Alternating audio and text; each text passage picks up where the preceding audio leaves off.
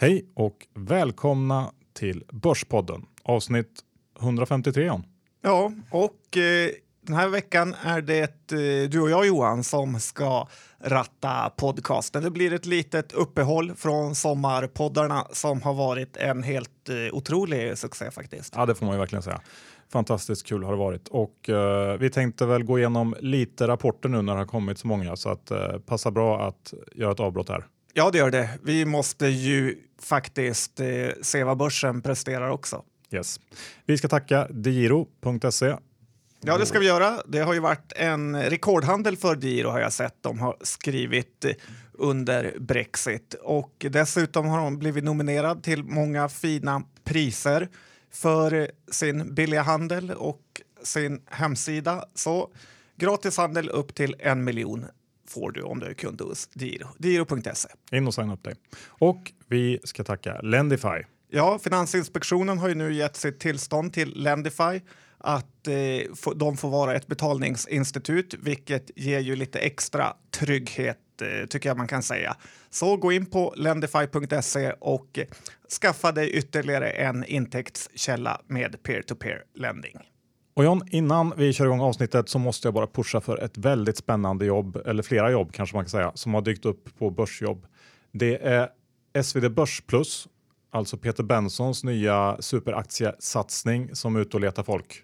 Ja, det är väldigt eh, spännande att kunna dra igång hösten med ett eh, toppjobb. Ja, och SvD Börs Plus, de letar efter analytiker, vice vd och redaktör. Och det här är ju verkligen en möjlighet för eh, ja, någon som vill in i branschen eller någon som redan finns i branschen och vill bygga vidare på sin karriär. Ja, Peter Benson har ju väldigt gott renommé, så in och sök ett jobb och skaffa dig en bra karriär inom finans. Gör det.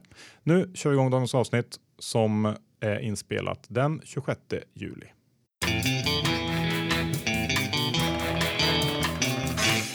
Johan Dr. Bass Isaksson indexar i 1380 och eh, har väl gått eh, ganska bra så här under sommaren. Vad är dina kommentarer?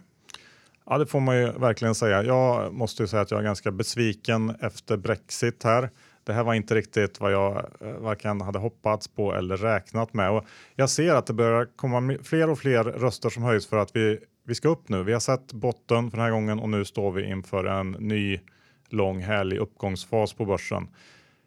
Jag måste ju säga att jag fortfarande har svårt att se det. Jag tycker inte att det här är ett läge därifrån man börjar en ny eh, uppgångsfas. Visst, jag får väl hålla eh, ögonen öppna eller, eller, alternativen öppna för att vi kan stå inför en sån här urballning på börsen igen där, där nollränta blir det man fokuserar på och man kör upp eh, börskurserna hur långt som helst. Men vi är fortfarande där att riskaptiten är extremt hög. Det är massa småbolag som står på väldigt höga nivåer. Eh, massor av nya spekulanter på börsen och eh, jag tänker på en en låt som jag lyssnade på i sommar med Markus Krunegård där han sjunger om att askan är den bästa jorden och det tycker jag det ligger en del i. Och det är inte det läget vi har på börsen nu. Så att jag är skeptisk till att det här ska bli en ny lång eh, uppgångsperiod på börsen. Vad tror du? Jag har eh, svårt att eh, riktigt veta vart vi är på väg, men jag har mindre aktier än någonsin, vilket i och för sig banar väg för en uppgång om jag känner historien rätt. Också kul att höra att eh, doktorn har blivit lite filosofisk på äldre dagar. Mm, ja. Men eh, det som hände här då efter Brexit är väl egentligen att eh, förväntningarna på eh, ännu mer stimulanser har eh, drivit på börsen och jag får väl också säga kanske att USA har faktiskt överraskat på den positiva sidan när det gäller eh, makrostatistik och där verkar det ju ändå tuffa på bra eh, fortsatt. Men det har också faktiskt kommit in en hel del tecken på att Europa kommer att få sig en, en törn av Brexit så att eh, ja, det, det kokar ner till en tro på stimulanser och en tro på eh, centralbankerna helt enkelt.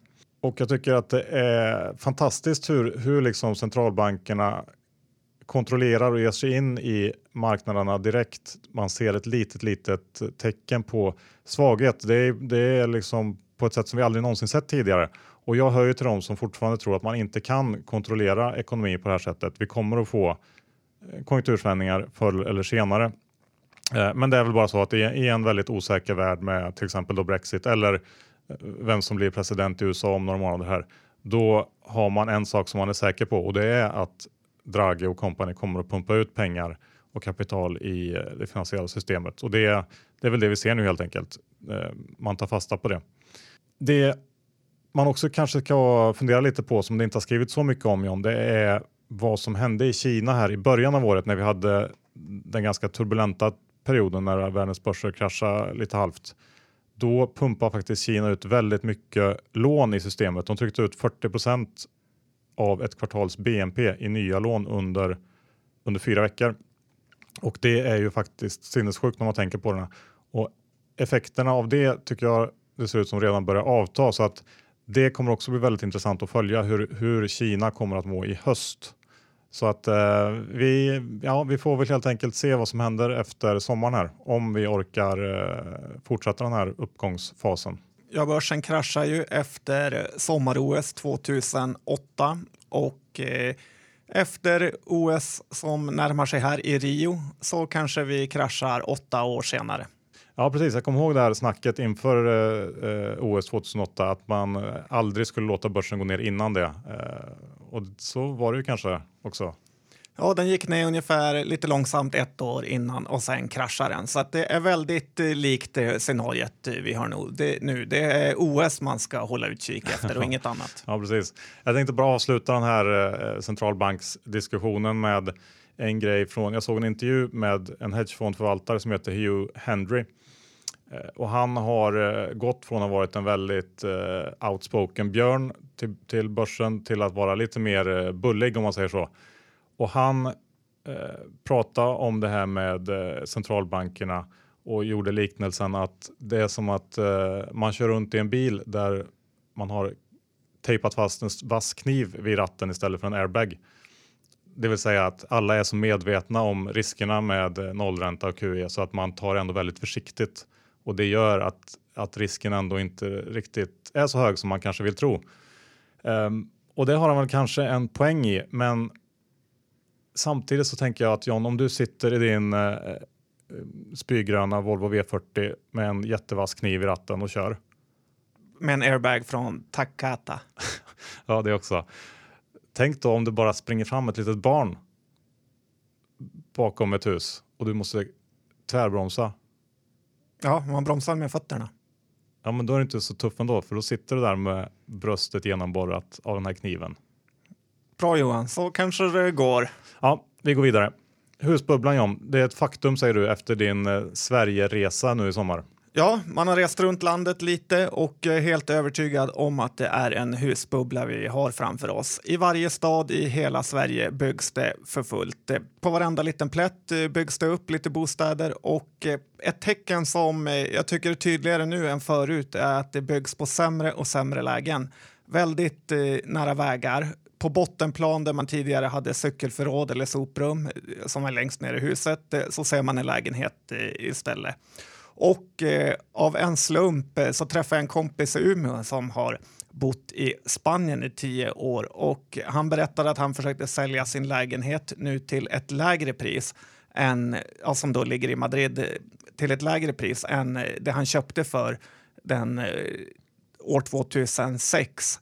Och eh, det är alltså exakt ungefär tio år sedan då.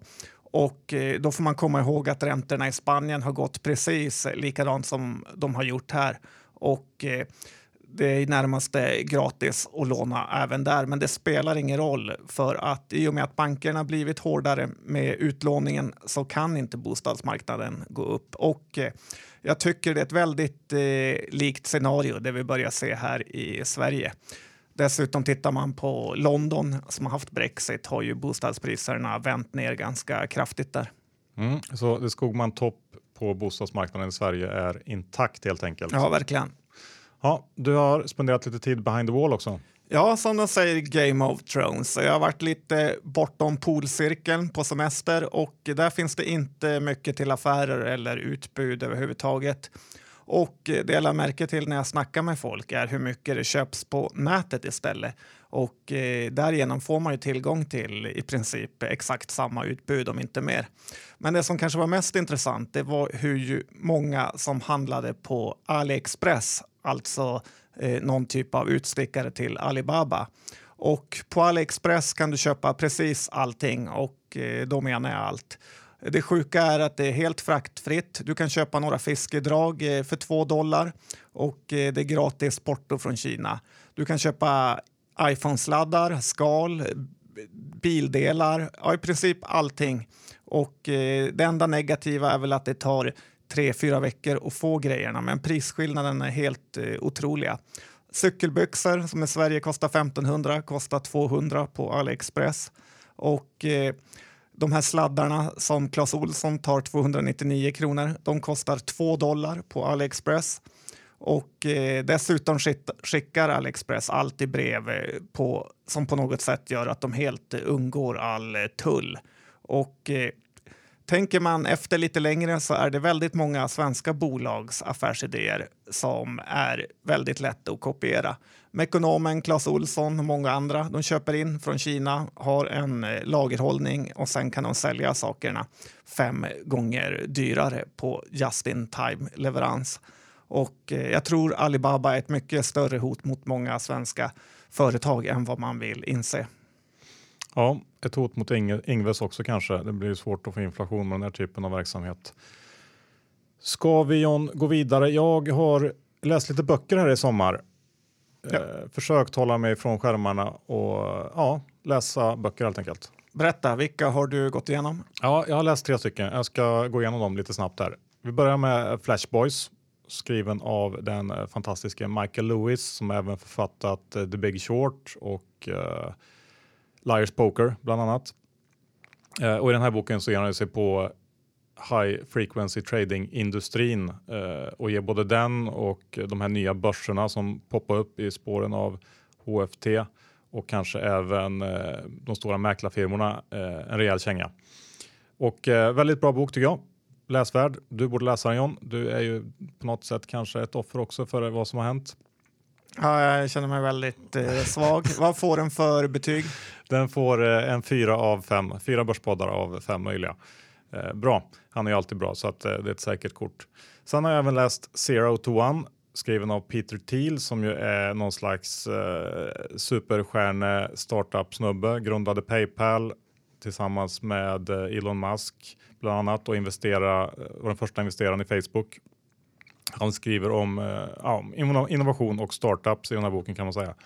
Eh, tycker jag också det var en bra bok, även om eh, jag har lite svårt ibland för det här eh, ja, extremt eh, till startup-världen. Men visst, det finns poänger. Den här ger jag kanske 3,5 börspodd av 5. Lite svagare då, ja, men, men, det är för att den var positiv. Ja, ja, så kanske man kan se på det, men ändå bra. Jag, jag gillar ändå det mesta av det som står här. Eh, så den kan man absolut läsa. Och sen har jag också läst All I want to know is where I'm going to die, so I'll never go there av Peter Bevelin. Eh, boken som både du och jag har fått av eh, Per H på Spiltan. Tack, tack. Ja, det var snällt. Peter Bevelin är väl kanske Sveriges främsta eh, Buffett och Munger-kännare och eh, jag tror även att eh, Buffett har köpt massor av böcker av Peter Bevelin. Han har skrivit flera böcker om, om eh, gänget där i Omaha. Eh, och det här är liksom en samling citat och visdomsord från Buffett och Munger som eh, Peter Bevelin då har kategoriserat ihop i olika ämnen, områden kan man säga och sen strukturerat dem som ett, ett fiktivt samtal. Eh, också en väldigt bra bok. Det finns ju mycket visdom att eh, hämta hem från de här två gubbarna så att eh, här är ju en eh, solklar fyra börspoddar av fem. Men den saknar det lilla sista. Det är väldigt svårt att få fem av fem börspoddar. Det, det ska man vara medveten om. Så att äh, fyra får, det får Peter vara nöjd med. Tycker jag. Ja. Du John, vad, har du läst något, någon bra bok i sommar? Ja, jag läste hela årgången av eh, Buster från 1984. Jaha, okej. Okay, ja. Får man, tar du med dig någonting av det in i, i ditt i, investerar-jag? Jag försöker vara Gordon Stewart, en eh, säker målvakt. Ja, det är bra. Du spelar defensivt alltså. John, vi ska också nämna några ord om eh, vår härliga sommarsponsor Tessin. Den här veckan har vi såklart pratat med Jonas igen och eh, vi undrar om man vill investera via Tessin. Hur går man tillväga då? Då går man in på tessin.se och så registrerar man sig som medlem. Eh, och när man är inloggad så kan man se eh, vilka projekt som, eh, som finns ute just nu. Och eh, är man intresserad så anmäler man intresse och reserverar en andel. Och efter det så får man eh, utskick av investeringsmemorandum, värderingar och så vidare. Och det är då först då man tar sitt investeringsbeslut. Och det gör man allt online. Väldigt enkelt, så gå in på tessin.se och registrera er.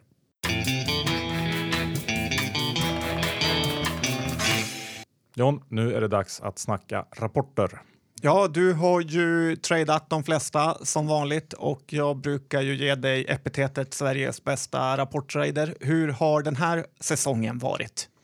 Ah, den har inte varit jättebra faktiskt. Jag satt eh, och handlade rapporter förra veckan när det var som mest och eh, Ja, det, det, jag vet inte, jag gick på några stora minor som gjorde att resultatet inte blev eh, hundraprocentigt. Och man får säga det också att när man handlar rapporter under sommaren så är det eh, likviditeten är sämre, omsättningen sämre, vilket gör att det blir, kan bli ganska stora kast även i de största bolagen. Och har man, eh, ja, är man inte på sin vakt då så kan man råka illa ut. Och det gjorde jag ett par gånger. Bästa och eh, sämsta trade? Bästa var kanske i eh, Atlas eller Autoliv och sämsta var nog i Sandvik. Där jag gick emot min egen bäs-aura och eh, gick lång Sandvik, vilket jag inte skulle gjort. Sånt straffar sig direkt. Ja. Men i alla fall, om vi ska bara ta och, och eh, sammanfatta rapportperioden så här långt så tycker jag ändå att det känns som att den är väldigt lik de rapportperioder vi haft de senaste åren. Tillväxten lyser med sin frånvaro, i alla fall bland de större bolagen med några få undantag då. Och, ehm, man får, jag får väl ändå säga eh, lite motvilligt att rapporterna är ju lite bättre än vad jag trodde att de skulle vara om vi går tillbaks ett halvår eller något sånt. Då trodde jag att eh, det skulle vara betydligt sämre siffror nu. Samtidigt så tror jag nog att rapporterna också är betydligt sämre än vad de som var positiva då trodde att de skulle vara. Så det är lite mellanmjölk helt enkelt. Det händer inte mycket. Ja. En intressant observation tycker jag i alla fall, det är väl att eh, USA verkar vara svagt för väldigt många stora bolag, vilket jag tycker är lite konstigt givet att det är den ekonomi som, som har visat mest styrka på slutet. Jag får inte riktigt ihop det. Vi får se om det är, är bolagen som ligger före eller eh, om det är de här makro eh, statistiksignalerna som ligger före. Men ehm, det är i alla fall någonting värt att notera. Ska vi börja John med eh, ett av våra största bolag, Ericsson. Ja, det blir mindre och mindre. Men jag tycker man måste gå till roten med det här problemet, eh, vilket många i media missar. Och eh, grunden till mycket av det dåliga kommer faktiskt från Göteborgssonen Leif Johansson. Han är som en allsvensk tränare som trots att han presterar väldigt, väldigt lite eller ingenting så blir han erbjuden nya uppdrag hela tiden. Det är den svenska fegheten i ett nötskal. Ericssons ordförande Leif Johansson, före detta posterboyen för Volvo, gjorde till en början en karriär inom Facit. Och eh, Facit är ju alla ekonomilärares drömbild då man vill visa något som blev föråldrat och där ingen i ledningen förstod eh, framtiden.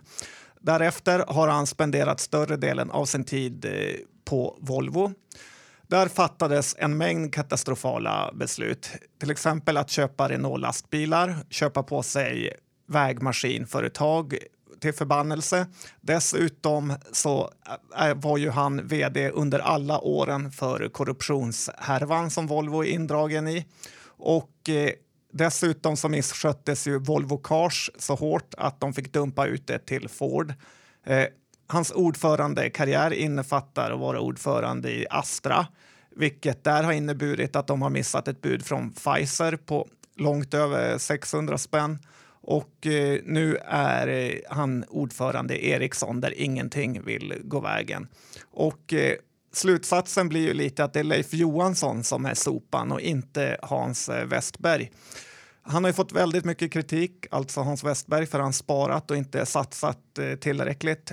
Och eh, tittar man till exempel på IBM som har haft eh, 17 kvartal i raken med sjunkande intäkter så kan faktiskt den här brända jordens taktik vara ganska bra. Att man drar sig tillbaka, och eh, när marknaden sviktar för att behålla företagets styrka. Man får inte glömma att Ericsson varit i en riktig skitbransch eh, och alla deras konkurrenter också har gått dåligt eller till och med gått i konken, typ Nortel. Så ja, jag höjer ett varningens finger för Leif Johansson som i äkta House of Cards-anda räddar sig själv genom att sparka ut vdn när det egentligen är hans fel. Ja, men jag, håller, jag håller helt med dig. Det är inte någonting som bara Hans Westberg har gjort fel här, utan han har ju bara exekverat på en strategi som styrelsen har satt upp. Och man är alldeles för sen på bollen och reagerar efter att saker har hänt helt enkelt. Eh, det här eh, känns ju väldigt, väldigt jobbigt nu för Ericsson och eh, Dessutom det faktum att man inte har någon ny vd på gång heller. Det kommer ju bli ett vakuum nu på ganska många månader när man håller på och letar och Hans är på väg ut. Eh, så att nej, det känns jättejobbigt. Dessutom så dök ju de här skriveri skriverierna om redovisningsfiffel upp lite lägligt så att, eh, och på det en till dålig rapport. Nej, det här känns inte alls kul tycker jag. Så att eh, det krävs nog någonting väldigt modigt i Ericsson nu för att det här ska gå vägen och frågan är om de vågar göra det. Ja, ja, vi får se. Ska vi gå över och bränna av några verkstadsbolag? Det är inte så många som bryr sig om sånt längre, men jag tycker ändå att det är lite kul. Ska vi börja med Autoliv? Verkstadsbolagens älskling och eh, var ju även flera av våra sommarpoddar gäster som hade det som favoritbolag. Mm, tji fick de. Vi har ju alltid hatat Autoliv, eller ja, jag i alla fall. Lite för tidigt börjar vi, men det känns ändå som att uh, nu, nu gick ju aktien ner 8-9 procent tror jag på rapporten och det var beroende på en sämre outlook än väntat som i sin tur berodde på uh, högre investeringar och invest de här investeringarna görs Eh, Eh, för att möta högre efterfrågan eh, och då kanske framförallt 2017 2018. Eh, så prognoserna kom ner lite grann på det här EPS prognoserna och ja, tror man på vår tes att bilmarknaden på något sätt har sett sin topp lite grann så är det absolut inte läge att gå in och autoliv just nu. Givet då att de investerar mycket för att, ökad, för att möta ökad efterfrågan och att om efterfrågan skulle börja vika här nästa år till exempel så sitter man i ett läge där marginalen kommer få sig en rejäl törn av det. Och eh, ja, det känns som att vi påminner nästan varje avsnitt om att bilmarknaden, bilindustrin är en, en volatil bransch och eh, det har gått väldigt bra väldigt länge där nu. Så att eh, nej, jag eh, tror att eh, man ska passa sig. Eh, värderingen är väl fortfarande inte jätte, jättehög. Det är väl P15 i år kanske någonting. Men eh, ja, som vi har sagt tidigare, det ska inte vara högre än så och speciellt inte på toppnivåer. Nej, helt rätt. Eh, Ford och GM till P6, 7 Autoliv till P15. Nej, det håller inte, framförallt när de är underleverantör till de här bolagen. Så det blir sälj från Börspodden. Det blir det. SKF är ett sånt där eh, gammalt eh, verkstadsbolag som mer och mer börjar eh, utkristallisera sig som den stora förloraren bland de stora verkstadsbolagen. Ännu en gång stor rapportförlorare och det, det, går riktigt trögt för SKF. De, här har vi ett, också ett exempel på svag performance i USA. Där tappar man 13% i omsättning organiskt under Q2 Eh, konkurrensen verkar tillta från kineser och annat och eh, ja, ledningen gör ju det de kan med stora besparingsprogram och så vidare. Men det här känns ju inte heller kul fortsatt så att eh, avstå SKF. Den eh, som många kanske tyckte var en lite av en höjdpunkt i verkstadssektorn var väl Volvo kanske. Där man äntligen börjar få lite, lite ordning rent eh, operationellt sett. Bland annat så lyckades man ju äntligen nå 10% i ebit-marginal eh, för lastbilarna men då var å andra sidan ordersiffrorna inte så bra och eh, VCE går fortsatt uselt och där fick man också se ett till kvartal med stora kreditförluster i Kina.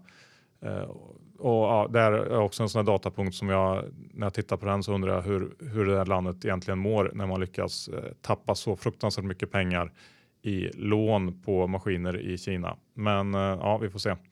Så totalt sett ett steg åt rätt riktning för det här bolaget, men Volvo lever i precis samma värld som oss andra och det finns ingen tillväxt och det gör också att Volvo kommer inte att lyfta från hundralappen den här gången heller.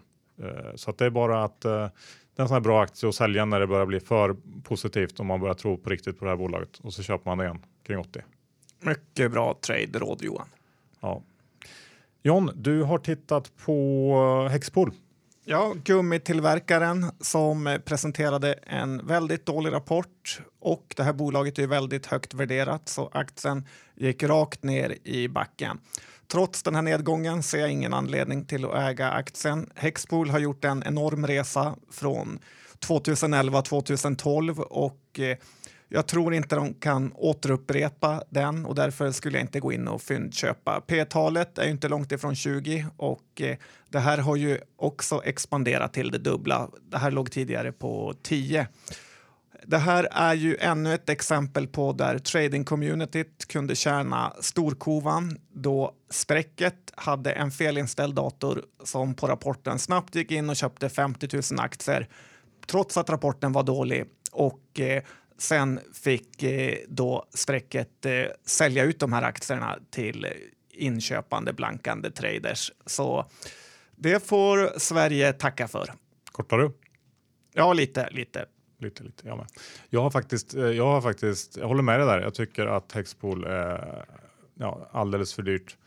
Men jag har kanske lite som någon slags offer till börsguden så har jag faktiskt några Hexpool med mig efter det här kursraset. Eh, inte för att jag tycker att det är billigt och inte för att jag vill äga det, utan mer bara för att jag hoppas att den ska gå upp lite mer.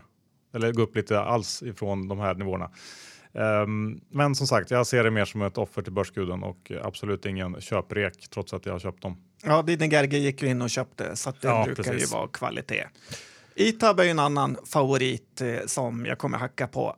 Bolaget levererade inte heller den här rapporten vad folk hade hoppats på och jag vet inte hur många gånger i rad butikshyllebolaget eller kassakedjebolaget har gjort folk besvikna. Men värderingen är inte låg och drömmen om automatiska utcheckningssystem verkar inte lyfta.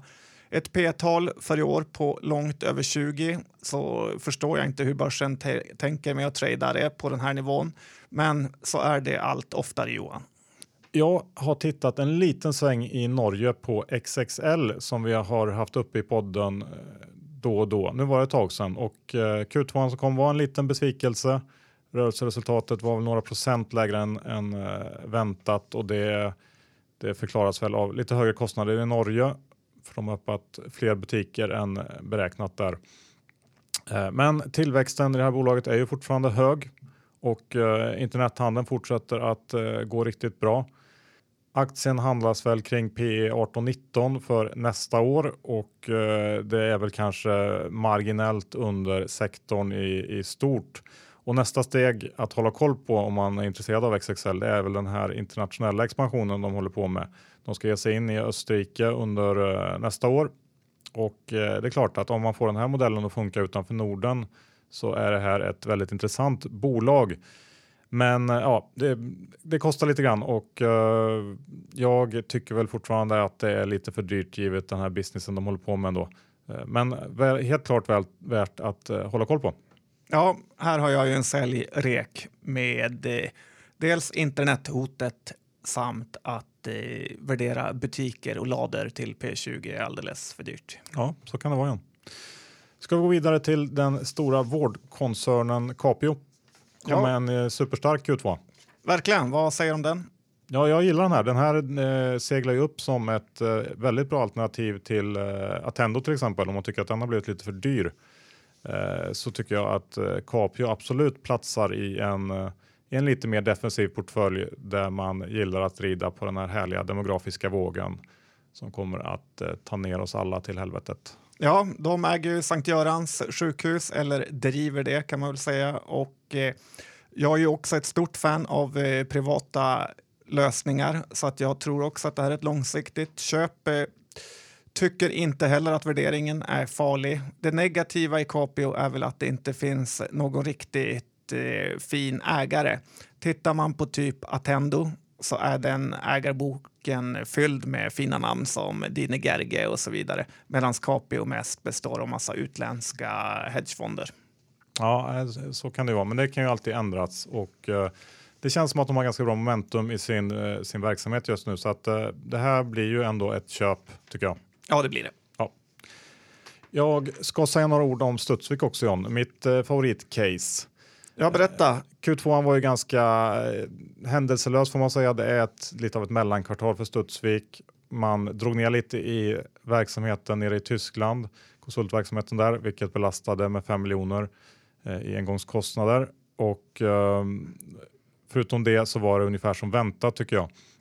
Man väntar fortfarande på att få den här, det här tillståndet att exportera från eh, USA till Kina, programvaran. Och när väl det dimper in så kommer det att ge en hel del eh, i resultat på den delen.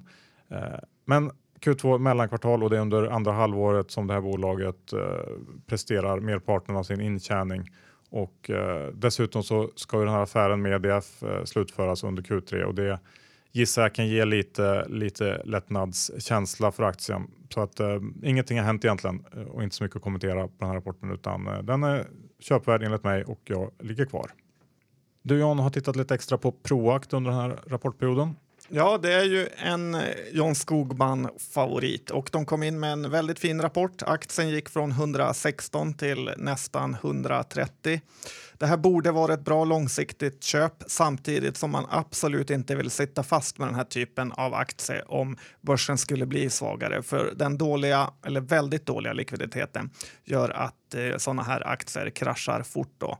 Kring 127 spänn är det ett p-tal kring 11-12, vilket den också hade när jag ansåg den som mest köpvärd kring 70 spänn. Så inte mycket till värderingsskillnad, men eh, Proact borde ha framtiden för sig och den är intressant. Mm, jag håller med. De har ju verkligen rider verkligen på den här trenden med eh, att eh, behovet av lagring bara ökar och ökar. Den, det är en liten negativ grej som jag kanske kan tycka är väl att de är, är ju lite av någon slags konsult eller de, de sätter ihop olika delar för att bygga lösningar och har egentligen inte så mycket eget, vilket jag kan tycka är lite trist. Men jag gillar också Proact och tycker nog att den är, är för billig på de här nivåerna. Så att, eh, det får väl bli ett litet köp där. Ska vi också ta ett svep över spelsektorn? Vi har ju haft Betsson och Mr Green som kommit in. Ja, det har vi fått. Betsson eh, har ju skapat otroliga tradingmöjligheter här sista tiden. Och eh, som vanligt har det lönat sig att stoppa huvudet i sanden och köpa när det såg som värst ut. Aktien har rört sig extremt mycket och eh, det eh, ser ju ut som det är väldigt lätt att tjäna pengar på såna här rörelser. Men det är lätt hänt att man köper för tidigt och eh, får panik och tar stoppen när aktien närmar sig botten. Rapporten som kom visade väl att ledningen har lite bättre kontroll på läget än vad man trodde vid vinstvarningen och dessutom har Q3 börjat bra. Sportsboken börjar ju rätta till sig lite och eh, aktien är visserligen ganska långt ifrån vad den var innan vinstvarningen, kring 100. Men den är också väldigt högt över sin nivå kring 65 kronor när det var som brunast. Så här är ännu ett exempel på att det är bra att ha kassa som man kan köpa när det blir brunare, Johan. Mm. Ja, men det, är, det är möjligt att, eh, att Betsson tappar lite väl mycket där efter vinstvarningen. Men å andra sidan så tror jag att eh, hela sektorn egentligen har fått sig en törn av, eh, kanske inte av Betsson, men av den politiska utvecklingen på slutet. Och, Eh, jag tror man inte ska räkna med några jättehöga multiplar när det gäller operatörerna. Och, eh, vi såg också Mr Green som kom in med ett riktigt dåligt resultat där det börjar synas vad egentligen de här spelskatterna kostar, kostar operatörerna. Så att eh, det känns lite som att sötebrödsdagarna är över för operatörerna och eh, man kan nog avvakta lite där tills röken har lagt sig ännu mer och se vad, vad det här kommer att sluta. Eh, Arkam som ju har varit en, eh, en favorit bland många kom ju in med en riktigt kass eh, Q2 här för några dagar sedan. Ja, den var chockerande dålig och aktien har gått från över 200 ner till 160. Ja, de, eh, försäljningen krympte faktiskt, vilket man ju inte kan leva med när man ska vara ett tillväxtbolag av rang. Och eh, det är den här kontraktstillverkaren Disanto som de eh, köpte som har problem. Och eh, orderingången var väl också ganska svag generellt sett och det är ju eh, fascinerande hur det här bolaget kan ha en bruttomarginal under 30 procent. Eh, så att eh, Arkam, oavsett om man nu tror på adaptiv tillverkning eller inte. Jag tror ju på det och det är nog eh, en del av framtiden i alla fall. Så känns det som att Arkam kan man verkligen också vänta med tills eh, det här, ja, den blir billigare helt enkelt. Det, det tror jag den kommer bli också. Ja, även, om, även om de har tappat mycket redan nu. ja, bruttomarginalen är verkligen ett problem. Ja, så är det. En annan, ett annat bolag eh, som kom med en riktigt svag rapport var ju MSAB. Också har varit en, en små, småbolagsfavorit sista åren. Eh, till skillnad från under Q1 så uppvisar man i alla fall en liten, liten tillväxt i Q- Q2, men det var verkligen eh, precis på håret. Och eh, ledningen bedömer att 2016 kommer att vara fortsatt utmanande. Eh, det vill säga det kommer inte bli så där jättebra under ja, resterande delar av 2016 heller. Eh, man har lanserat lite nya produkter här under kvartalet och de eh, som fortfarande är aktieägare här får ju verkligen hoppas att det ger utdelning och en starkare tillväxt framöver. För som det ser ut nu så är den här aktien alldeles för dyr givet vad man presterar. Och eh, jag tror att det finns eh, ganska mycket mer nedsida här faktiskt. Aktien är ner 31 procent sedan årsskiftet. Jag hade den här som sälj, säljcase när vi var och träffade Avanza i december och eh, får ge mig själv lite rätt där. Ja, grattis. Tack. Kul att lyckas med något. Ska vi gå vidare John till eh, de bolag som har överraskat positivt? För det finns ju lite sådana också. Ja, det gör det. Berätta. Vi har ju Torsten med eh, sitt härliga, eh, jag tänkte säga skötebarn, sorgebarn, jag vet inte, New Wave. Ja, den har gått väldigt eh, bra. Kom med en eh, fantastisk eh, rapport. Ja, eller inte rapport, de, de har väl bara gått ut med den, den omvända vinstvarningen och sagt att eh, det blir mycket, mycket bättre än vad marknaden hade räknat med. Det är väl nästan eh, dubbla resultatet mot vad konsensus hade, eller inte riktigt, men Ja. nästan. Precis så var det och eh, det eh, är kanske så att man måste ta Torsten lite mer på orden, vad han skriver i vd-ordet. Han har ju blivit lite hånad för hans extremt eh, positiva ton tongångar i början av året då eh, bolaget verkligen inte levde upp till det. Men nu har det ju, för de som har litat på Torsten har det visat sig vara en riktig kanonaffär. Ja, bolaget har haft en ganska lång period när de har investerat i marknadsföring och försäljning och så vidare. Så, och nu verkar det helt enkelt vara så att det, eh, det är pay-off för Torsten. Och det är kul, men aktien på ev-ebit 12 typ nu, vilket man ska titta på det måttet tycker jag eftersom de är väldigt skuldsatta. Det känns, eh, känns ganska fullprissatt här ändå tycker jag.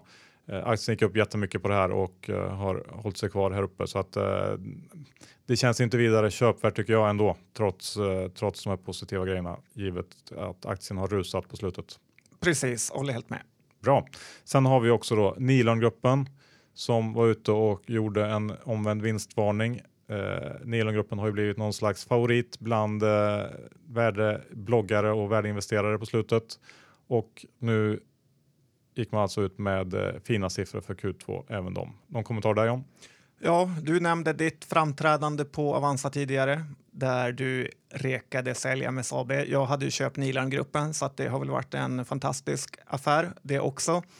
Då stod den i 33 kronor. Nu står den över 50-lappen. Så ja, att eh, bolaget ens behövde gå ut med det här kan jag tycka är lite underligt då förra året var belastat med massa noteringskostnader och eh, dylikt. Så aktien över 50 kronor igen och eh, det var ju det den kom in på för nästan exakt ett år sedan. Så att det har ju inte varit någon eh, kanonaffär för de som var med på introduktionen. Å andra sidan har de inte heller förlorat något. Nej.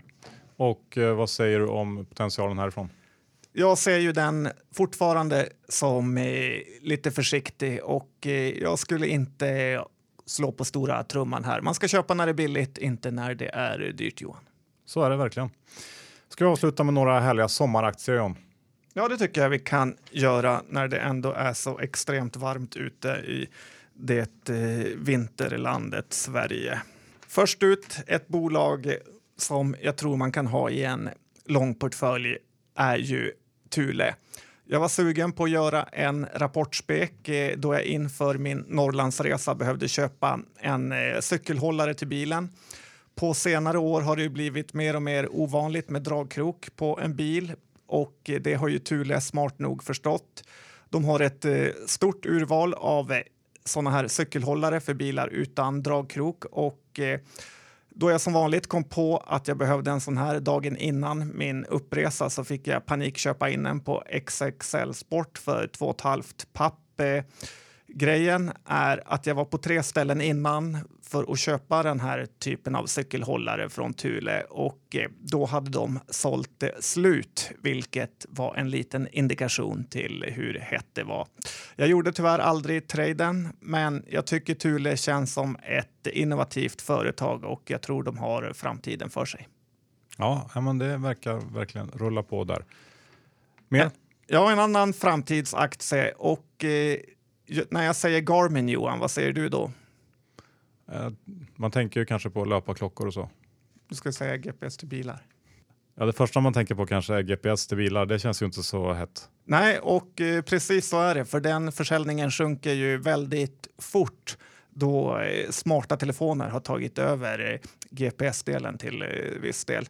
Men i och med att jag intresserat mig lite för triathlon sista tiden så har jag insett vilket otroligt varumärke Garmin är. Det är cykeldatorer och det är löpar, löparklockor och eh, jag kikade också lite i Garmins senaste kvartalsrapport och där såg jag hur deras segment outdoor och sport växer explosionsartat. Eh, för det här är inte billiga grejer som man köper och eh, jag tycker inte heller Garmin värderas så farligt. Eh, de handlas i USA. Det är ett p-tal kring 18 och en direktavkastning på fina 4,5 procent. Så det här är ett litet mer teknikval än att köpa till exempel Phoenix Outdoor eller eh, lite eh, den typen av bolag. Man kanske kan samla ihop om man gillar den här trenden då, typ Amer Sports, Phoenix, Garmin och lägga på lite Tour Industries på som krona på verket så har man en outdoor-portfölj. Ja, Johan, det kan du starta en fond med. Tack.